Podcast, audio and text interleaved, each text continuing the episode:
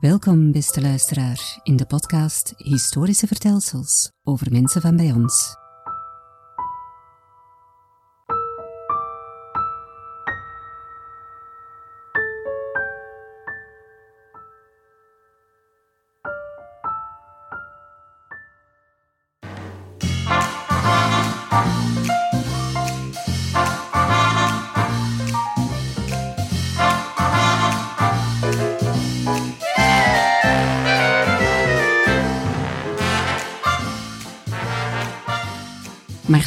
Schelle, een vergeten bekende Belg uit Merksplas.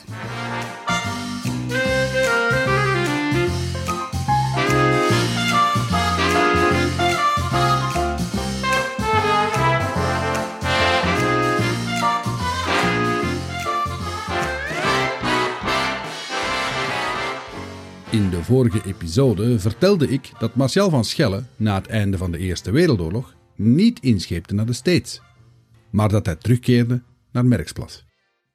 Daar wordt hij herenigd met zijn oude vader Albert en met zijn vrienden van Weleer.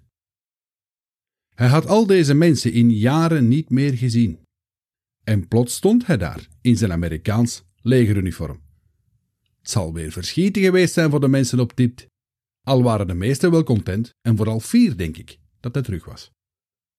Ik leid dat af van de foto's die van de T in zijn legerkostuum samen met wat oude vrienden en kennissen zijn gemaakt. De Amerikanen hadden de oorlog toch mee doen winnen en daar had de lokale held aan meegeholpen.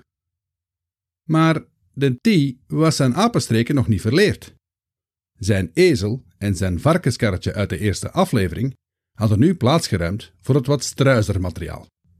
Een zware Amerikaanse brommer en een afgedankte legerauto. De plot, zoals men Martial na de oorlog in de buurt noemde, wordt de schrik van de Noorderkempen.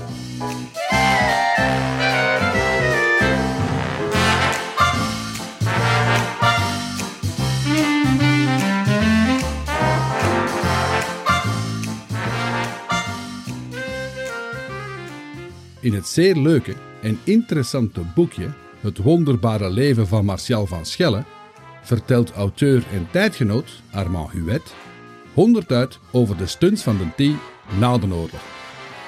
Ik deel er hier graag enkele met jullie, beste luisteraars. Op een dag was Martial met wat vrienden op de heilige bloedvoor van Hoogstraten. Dat is de kermis die al eeuwen wordt gehouden naar aanleiding van de heilige bloedprocessie met Pinksteren. De T had veel beziens, ja, vooral zijn een Amerikaanse brommer. En blijkbaar werkte dat op zijn zenuwen. Dus was het weer tijd voor een stunt. Hij wedde met zijn makkers wie durft met een brommer het snoepkraam aan de overkant van de straat ondersteboven rijden. U kan het al raden, niet? Niemand nam de weddingschap aan. Dus deed onze dier dan maar zelf. Hij draaide de gashendel open en schoot met gierende banden vooruit.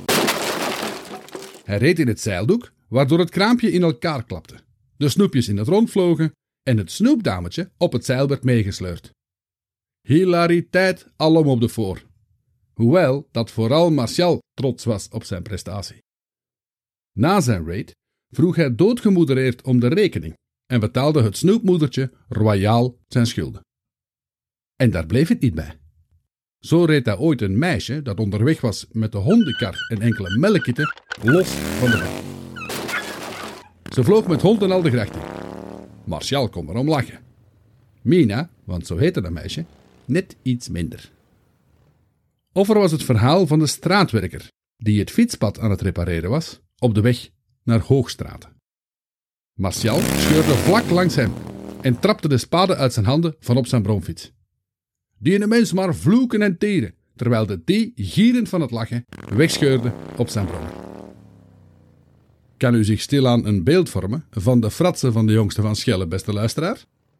Wel, de mensen in de stille Kempen, door de thee zijn grollen waren die plots niet meer zo stil, verwensten hem blijkbaar.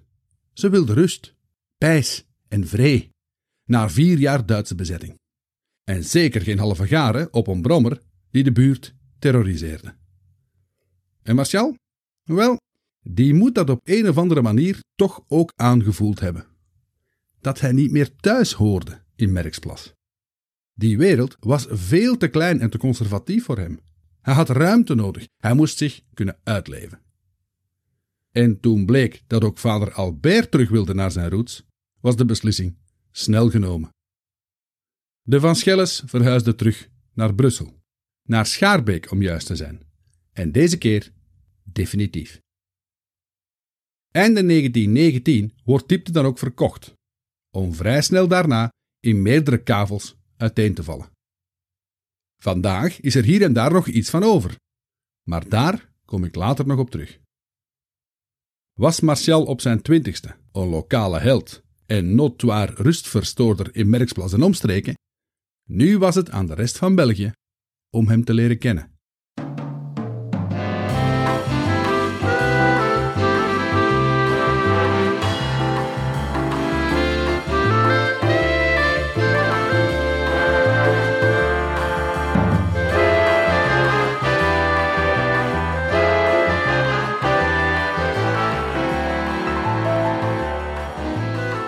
In het fort van Breendonk, waar ik gids ben, dat weet u ondertussen, hangt er een foto in het museum van Martial. In een zwemkostuum. Ik heb me lang afgevraagd waarom hij daar op die foto aan de rand van een zwembad staat. Wel, ik weet het ondertussen al een tijdje, maar u, beste luisteraar, zal het nu ook te weten komen. Eens in Brussel stort onze een zich namelijk op de sport. En hoe? Als halve Amerikaan, die een groot deel van zijn jeugd over de grote plas had doorgebracht, zat de liefde voor sport hem in het bloed. En hij was een winnaar, en een doorzetter, en een durver. De perfecte combo om een groot sportkampioen te worden. En je zou zeggen, ja, goed, maar zo zijn er vele geweest. Inderdaad, maar niet zoals Martial. Bij hem is het altijd meer en straffer dan bij normale stervelingen.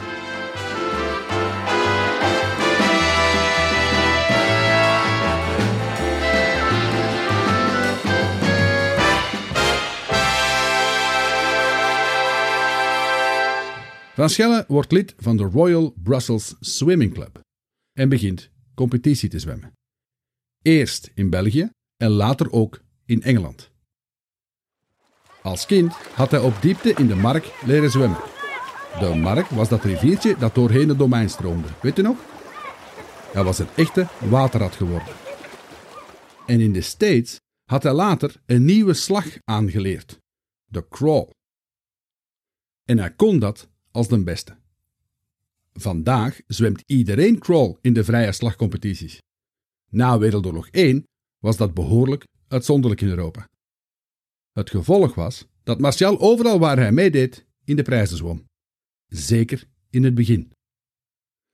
Ik ben eens door wat sportpagina's in de kranten uit de jaren 20 gelopen. En ja hoor, bij de zwemuitslagen kom je stevast van Schelle tegen. Hij wint wedstrijden in België, Engeland, Frankrijk en Nederland. Uiteindelijk zal hij tussen 1920 en 1928 acht keer Belgisch kampioen worden op de 100 meter vrije slag en twee keer op de 200 meter vrij. En hij presteert dat ook nog eens drie keer in Engeland.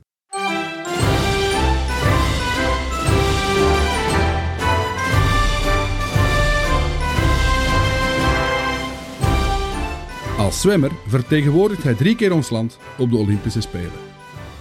In Antwerpen in 1920, in Parijs in 1924 en in Amsterdam in 1928. Hij zwemt er telkens de finale van de vrije slag. Hij pakt brons in Parijs op de 200 meter relay, wordt vierde in Antwerpen en twee keer vijfde in Amsterdam. Dat zijn propere resultaten, zou ik zo zeggen. Maar, uiteraard, maar. In het boekje van Armand Huet lees ik het volgende. Eenmaal is zijn roekeloze overmoed hem bijna fataal geworden toen hij op kerstdag 1920 in Parijs de overtocht van de Seine betwiste met de Franse zwemkampioen.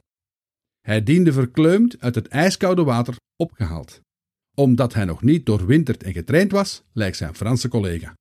Eén van zijn zeldzame misrekeningen. Einde citaat. Typisch Martial. Hij durfde echt alles en zocht steeds de limieten op. En zo nu en dan pakte dat dus niet goed uit, hè. Zijn zwemclub had ook een waterpolo-team. En ja hoor, Denty speelde er in het eerste team en won twee keer het Belgisch kampioenschap. Hij verdedigde ook onze nationale kleuren tijdens internationale waterpolo-kampioenschappen, tot hij in 1932 met zwempensioen ging en een palmares bij elkaar had gezwommen om u tegen te zeggen. Je zou dan denken dat hij wel tevreden zou zijn. Maar nee hoor, niks is minder waar. In Amerika had Martial leren basketten. In Europa stond die sport nog in zijn kinderschoenen. Maar in Brussel was er wel een club en daar schreef Martial zich in. Binnen de kortste keren speelde hij in het eerste elftal. En nog was het niet genoeg. Toen hij bij zijn familie in Chicago verbleef, had Martial tijdens de ijskoude winterschinder verschillende ijs- en wintersporten leren kennen. Hij was een meer dan begenadigd skier en hij kon schaatsen als de beste.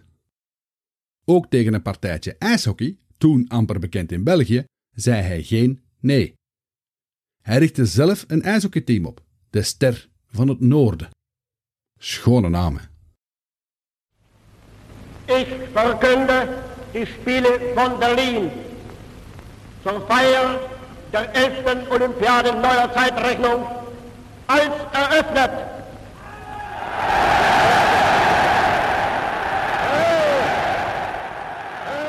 1936. U hoorde net Adolf Hitler de Olympische Zomerspelen van Berlijn openen. Hitler en zijn nazi's krijgen dat jaar zowel de winter- als de zomerspelen toegekend vanwege het IOC. Een dictatuur vol racisme sinds 1933 moeten ze wel beloven dat er geen rassenonderscheid mag zijn. Hitler komt zijn belofte na. Voor even dan toch. Anti-Joodse wetten worden tijdelijk opgeschort. Zwarte atleten mogen meedoen.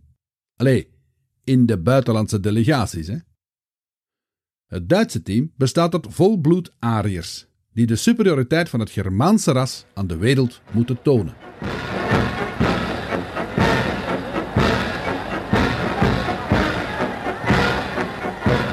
The German team as hosts come last.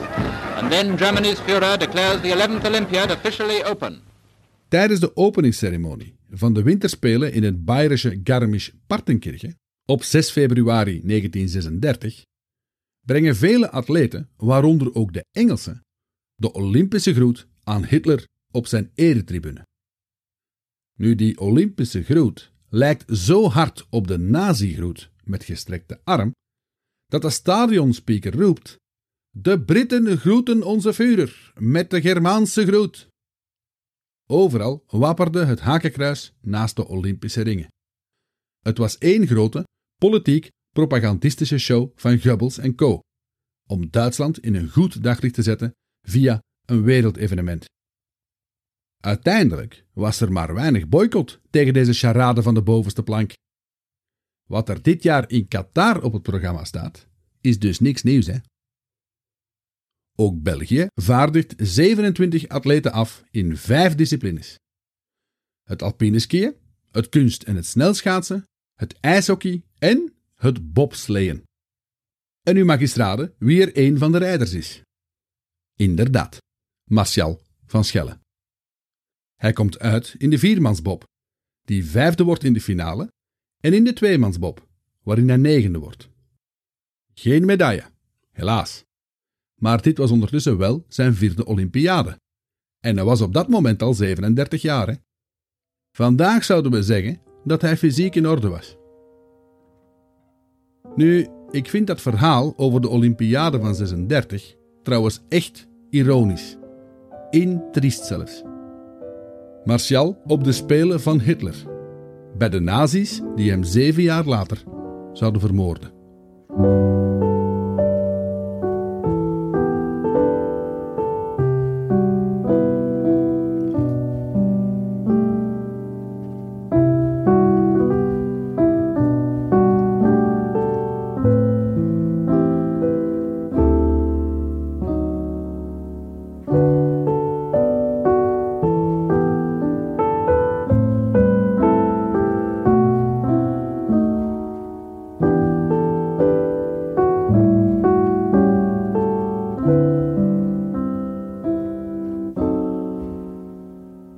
17 augustus 1933. De SS Champlain meert aan in New York. Deze steamer was vertrokken in Plymouth, Engeland. Volgens het manifest der aliens van de US Immigration Service, u kent die documenten ondertussen wel, zijn er twee diplomaten aan boord. Een zekere Philippe Kersin, journalist, en Martial van Schelle, manufacturer. Mijn nieuwsgierigheid was direct gewekt. Sinds wanneer was de T diplomaat geworden? Zijn visum was uitgegeven in Brussel, maar daar staat niks op van diplomaat. Hadden ze de douanebeambte voor de zot gehouden? Geen idee eigenlijk. Ik ben er nog niet achter. Maar wat kwamen beide heren dan doen in Amerika? Een beetje verder in het document lees ik: Gordon Bennett Cup, Chicago, Illinois. Ze geven beide aan één maand in Amerika te blijven. Maar wat was dan die Gordon Bennett Cup? Ah wel, dat was een internationale ballonvaartwedstrijd die sinds 1906 jaarlijks werd georganiseerd. Het doel? Met een luchtballon zo ver mogelijk vliegen. En hij die het verst geraakt, wel, die wint. In 1933 startte de race in Chicago op 2 september. Dit naar aanleiding van de Centenaire du Progrès, een expo dus over 100 jaar vooruitgang. En een ballonvaartwedstrijd paste natuurlijk perfect in dat plaatje. Philippe Kersin was een goede vriend van Martial en hij had de race al eens gewonnen aan de zijde van Alexander Veenstra in 1925. Met de Prins Leopold, de naam van hun ballon, vlogen ze toen 1325 kilometer ver. Of het voor Martial de allereerste keer was, is me niet helemaal duidelijk. In elk geval, zo'n race was echt weer iets voor hem. Zo ver mogelijk vliegen met een ballon. Dat is één groot avontuur, niet zonder risico en heel technisch. Ja, op zijn sportieve lijf geschreven. Hè. Maar ja, hij was ook ongehuwd. Hij had zo nu en dan wel eens wat liefjes, maar hij was zo vrij als een vogel. Letterlijk. Uiteindelijk zal de Belgische ballon met stamnummer 5 landen na 362 mijl of 592 kilometer. De winnaars, een Pools duo met een onuitspreekbare naam, ik zal hem u besparen, landen na meer dan 1300 kilometer. De Polen waren 38 uur onderweg geweest voor dat exploot. Ook in 1934 is de tandem Kersin van Schelle weer van de partij. Ditmaal vertrekken ze in Polen.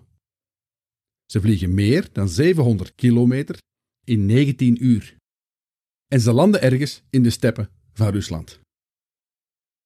In 1936, ja ja, het jaar van de winterspelen, komen ze nog wat verder, namelijk 801 kilometer. Het jaar daarop kent het team echter een dipje. Ze vliegen amper 766 kilometer ver vanuit Brussel. Dat is een grapje, hè? Ze hadden wind tegen, denk ik, want ze deden er bijna 25 uur over. Een ander Belgisch team wint die editie trouwens, net als het jaar ervoor. De beste race die Van Schelle ooit vaart, is die van 1938. Vanuit Luik ronden ze de kaap van de 1000 kilometer. Ze doen er 30 uur over. De Polen die dat jaar winnen, geraken 1700 kilometer ver. Volgens één welbepaalde bron werd Martial derde dat jaar. Het vertrek van de editie van 1939 staat gepland in Lvov, Polen. Maar u weet wat er op 1 september van dat jaar gebeurt.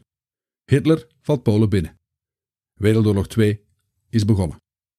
Martial zou nooit meer vliegen met zijn ballon. De Gordon Bennett Race wordt vandaag nog steeds gevaren. En de recordafstand staat op naam van het Belgische duo Berben-Simeon. In 2005 legden ze in 65 uur op de kop 3400 kilometer af met hun ballon. Voilà, zo weet u dat ook weer al. De sportman van Schelle is zelfs zo bekend dat hij in 1924 een tijdje de physical coach wordt van de jonge Leopold III. Zelfs aan het hof kende men den dus. En dat brengt me naadloos bij het straffe verhaal van Marcel van Schelle als ondernemer. Want hij zou enkele jaren later een privézwembad bouwen in het Koninklijk Paleis. Hoe maf is dat? Koning Albert schonk hem bij die gelegenheid trouwens een gouden horloge. Een kleinoot dat Martial voor de rest van zijn leven zou koesteren.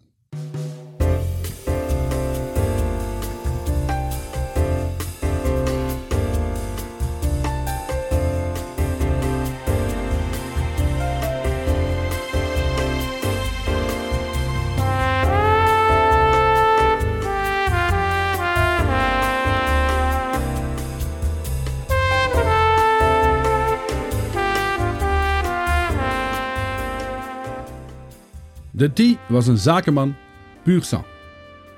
Hij had natuurlijk zijn rijke thuis mee, maar hij had een echte neus voor zaken.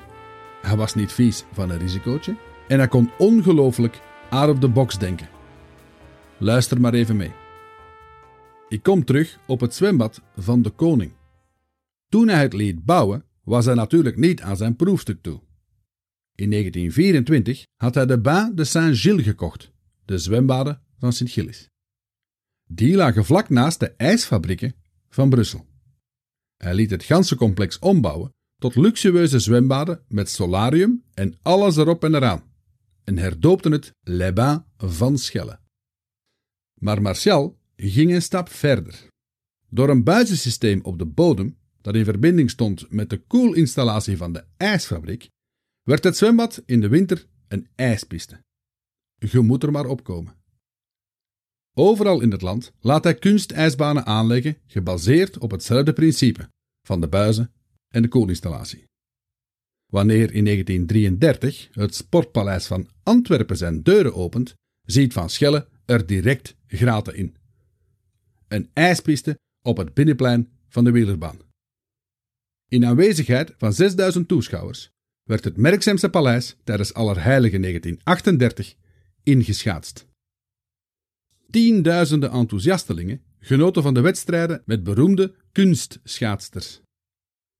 Op 29 januari 1939 speelde het Antwerpse ijshockeyteam van Brabo voor 21.000 toeschouwers tegen de Canadese wereldkampioenen. De D had dat natuurlijk geregeld via zijn connecties over de plas. De Canadezen zouden trouwens regelmatig op tournee gaan door België. Het ijshockey en het kunstschaatsen kent een enorme revival door de T zijn investeringen. Naast de ijspistes laat hij ook nieuwe zwembaden bouwen en verbouwen. Zijn meest prestigieuze project, naast dat van het Koninklijk Paleis, ontwikkelt hij in 1935, samen met een andere businesspartner. In Westende laat hij een openluchtzwembad bouwen in Art Deco-stijl, gevuld met zeewater. Dat was gemakkelijk, want het lag pal naast een dijk en de zee. Aan de andere kant lagen de Westendse tennisvelden. Er waren ook solaria en nog enkele kleinere sportvelden. Het hele complex kreeg de ronkende naam Lac aux Dames. En het vernieuwende eraan was dat het chique restaurant en de bar onder het zwembad lagen. Een zwembad dat een glazen vloer had, waardoor je als het ware tussen de zwemmers zat te tafelen. Een risicootje? Natuurlijk. Maar Martial deed dat gewoon, hè. Ik vraag me trouwens af of hij dat zelf bedacht heeft, of dat hij enkel de centen heeft geleverd. In elk geval, op de boog boven de ingang prijkte wel zijn naam. Création van Schelle stond er te lezen. Dat zegt veel over zijn bekendheid in België. En het volk stroomde toe. De jetset wel te verstaan.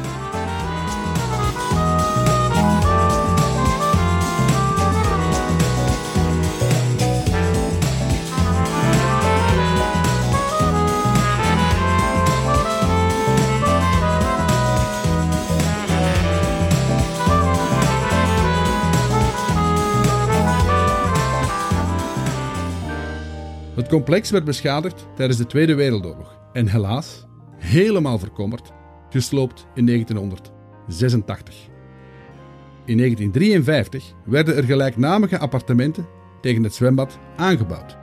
En dat is alles wat er nu nog verwijst naar het mondaine Lac aux Dames.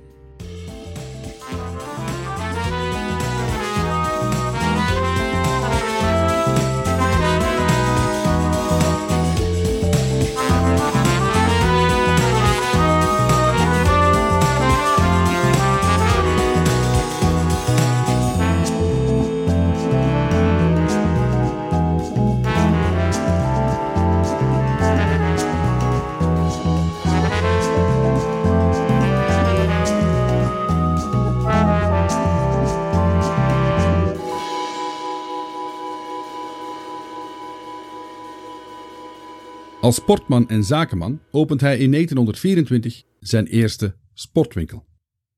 Hij noemt hem Van Schelle Sports. Het is een voor die tijd grote winkel aan de Loksumstraat in Hartje Brussel.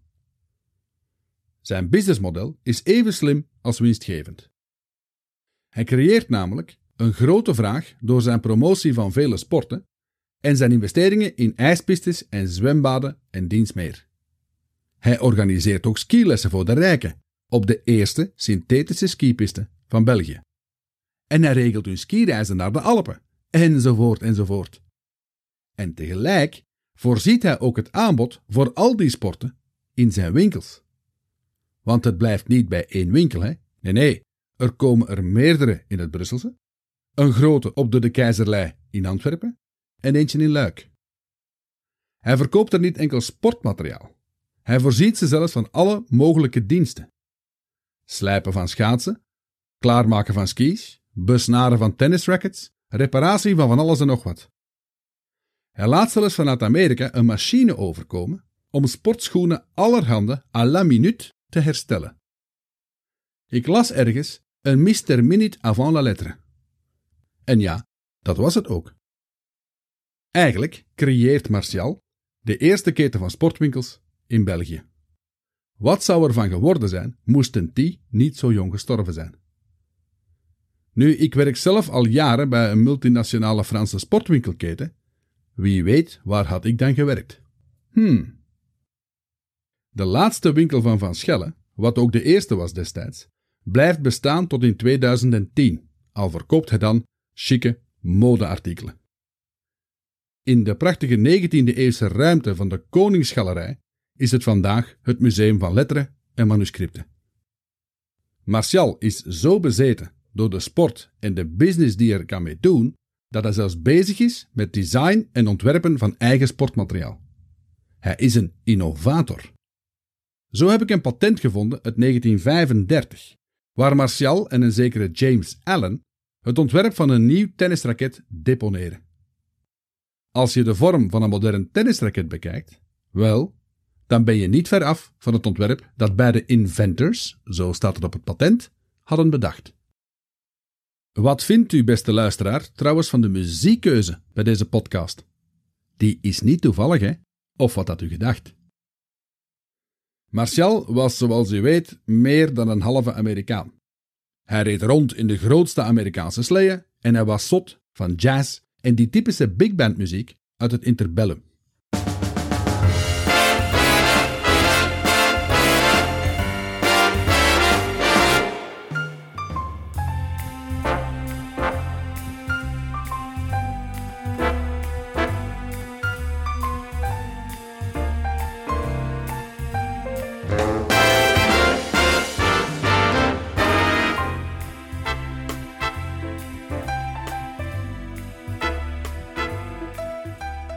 Fons Fud voor de vrienden Kendricks, een befaamd Belgisch jazzmuzikant en orkestleider uit de jaren 30, werd door Marcel ingehuurd om met zijn band L'Orchestre Blanc op de opening te spelen van een nieuwe danszaal in Westende.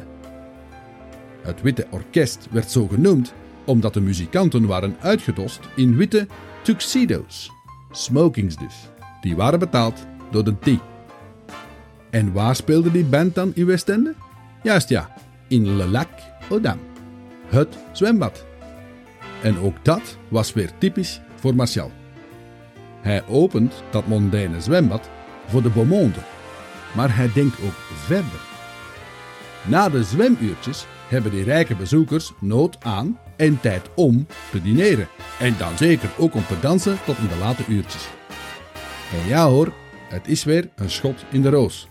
Het is vol een bak die avond en de vele avonden die nog zouden volgen. Moneytime. Ook voor Kendricks en zijn band. Hij heeft nog vele soirées de dans van Van Schelle opgeluisterd met zijn jazzmuziek. En ik heb mijn muziekkeuze daarop dus afgestemd.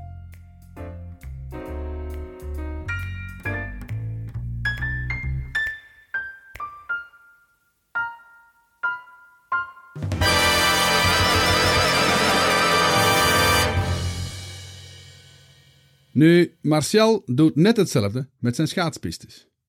Van alles maakt hij een evenement. En het mag wat kosten. Het mag glitter en glamour hebben.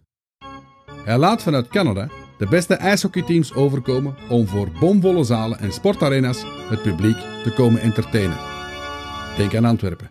Die avond in het Sportpaleis daarnet was geen one-shot. De Noorse schaatskampioene Sonja Henny, een superster destijds, komt ook regelmatig feerieke ijsshows geven in België. Precies Assepoester.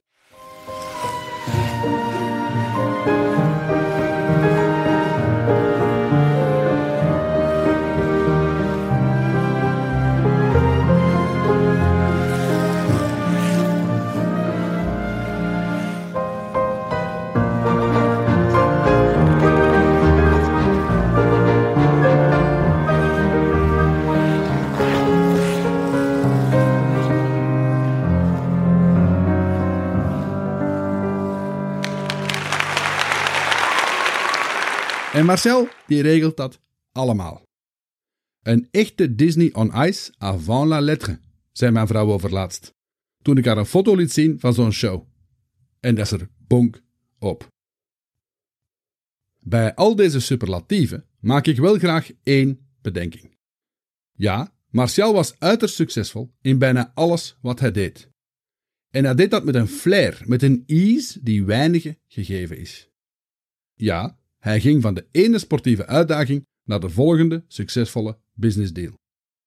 Hij reisde de wereld rond. Hij vloog met luchtballonnen. Leefde en gedijde in de hoogste politieke en industriële kringen van het land. Maar dat kon hij ook alleen maar omdat hij geld had in een tijd waar heel veel mensen in dikke miserie leefden. Ja, hij maakte zijn eigen succes, maar hij had wel een voorsprong op de meeste anderen. Maar dat gezegd zijnde, toen in 1929 de beurs van Wall Street crashte en de grote economische recessie begon, wel, misschien dat vele andere ondernemers toch even wat gas zouden terugnemen. Maar nee, niet onze T. Die deed voort alsof zijn leven ervan afhing. En met groot succes ook nog. Leen Huet noemt hem ergens een vlierenfluiter in haar blog. En nou wel, ondanks zijn successen en rijkdom, bleef hij toch die qua jongen uit diept in Merksplas. Zo stond hij nu eenmaal in het leven. Hij zou zijn roots trouwens niet vergeten. Hè? Hij kwam nog geregeld op bezoek in Wortel en bij zijn oude vrienden. In café Papenvoort vertelde hij dan over al zijn exploten. En Armand Huet schrijft dat de bazin van de kroeg, na een passage van de D, een week de toog niet afkuiste omdat Martial er zijn koninklijk uurwerk had opgelegd. En de voetbalploeg van Wortel, wel, die kreeg ook regelmatig een nieuwe uitrusting. Sponsored by Van Schelle Sports natuurlijk. En ook zijn familie in Amerika bleef hij bezoeken. In december 1928 vaart hij vanuit Antwerpen naar New York met de SS Belgenland. Het douanedocument zegt dat hij op bezoek gaat bij zijn oom in Chicago. Hij zal er waarschijnlijk kerstmis hebben gevierd. En hij neemt zijn tijd, want hij blijft twee maanden in Amerika. In 1934 vaart hij nog eens over de plas. Deze keer gaat de trip vanuit Le Havre naar Quebec in Canada. De kans is groot dat hij daar was om zaken te doen.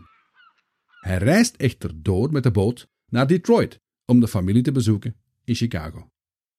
Via New York keert hij dan terug naar België. Het viel me op dat hij op de SS Champlain, zijn steamer, in tweede klas reisde. Geen chique kajuiten voor Martial. Hij was duidelijk geen echte James Bond. En nu we het over de Engelse superheld Annex Spion hebben, met ons verhaal gaan we stilaan richting Tweede Wereldoorlog. Nazi-Duitsland valt België binnen. De bezetting begint. Martial, geen fan van de Duitsers sinds de Lusitania zoals u weet, schiet al heel snel in actie. Hij gaat spioneren voor het verzet. Maar hoe dat afloopt, beste luisteraar, dat vertel ik u in episode 3 van deze reeks. Tot dan maar weer.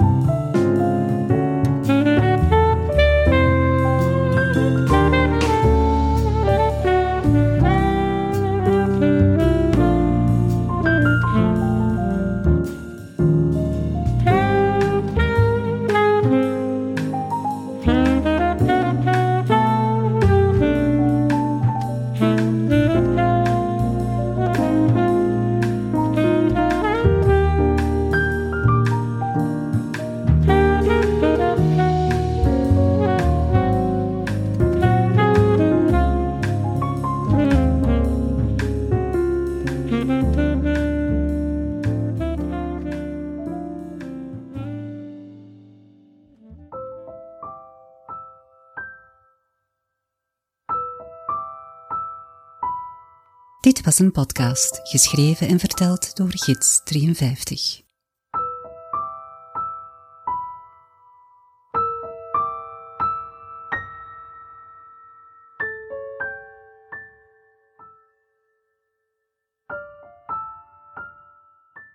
Ik dank hier toch ook al graag Leen Huet. Inderdaad, ze is naast gevierd kunsthistorica en schrijfster ook de kleindochter van Armand Huet, de man van het boekje over Martial. Leen heeft een heel leuke en super interessante blog met heel veel info over Martial, met wie ze dus een speciale band heeft. Kijk maar eens op leenhuet.be. Moest u op Spotify luisteren? Vanaf nu kan je de podcast ook raten, punten geven als het ware, via je app. Je zou er mij met wat eerlijke sterretjes een schoon cadeau mee doen. Alvast bedankt.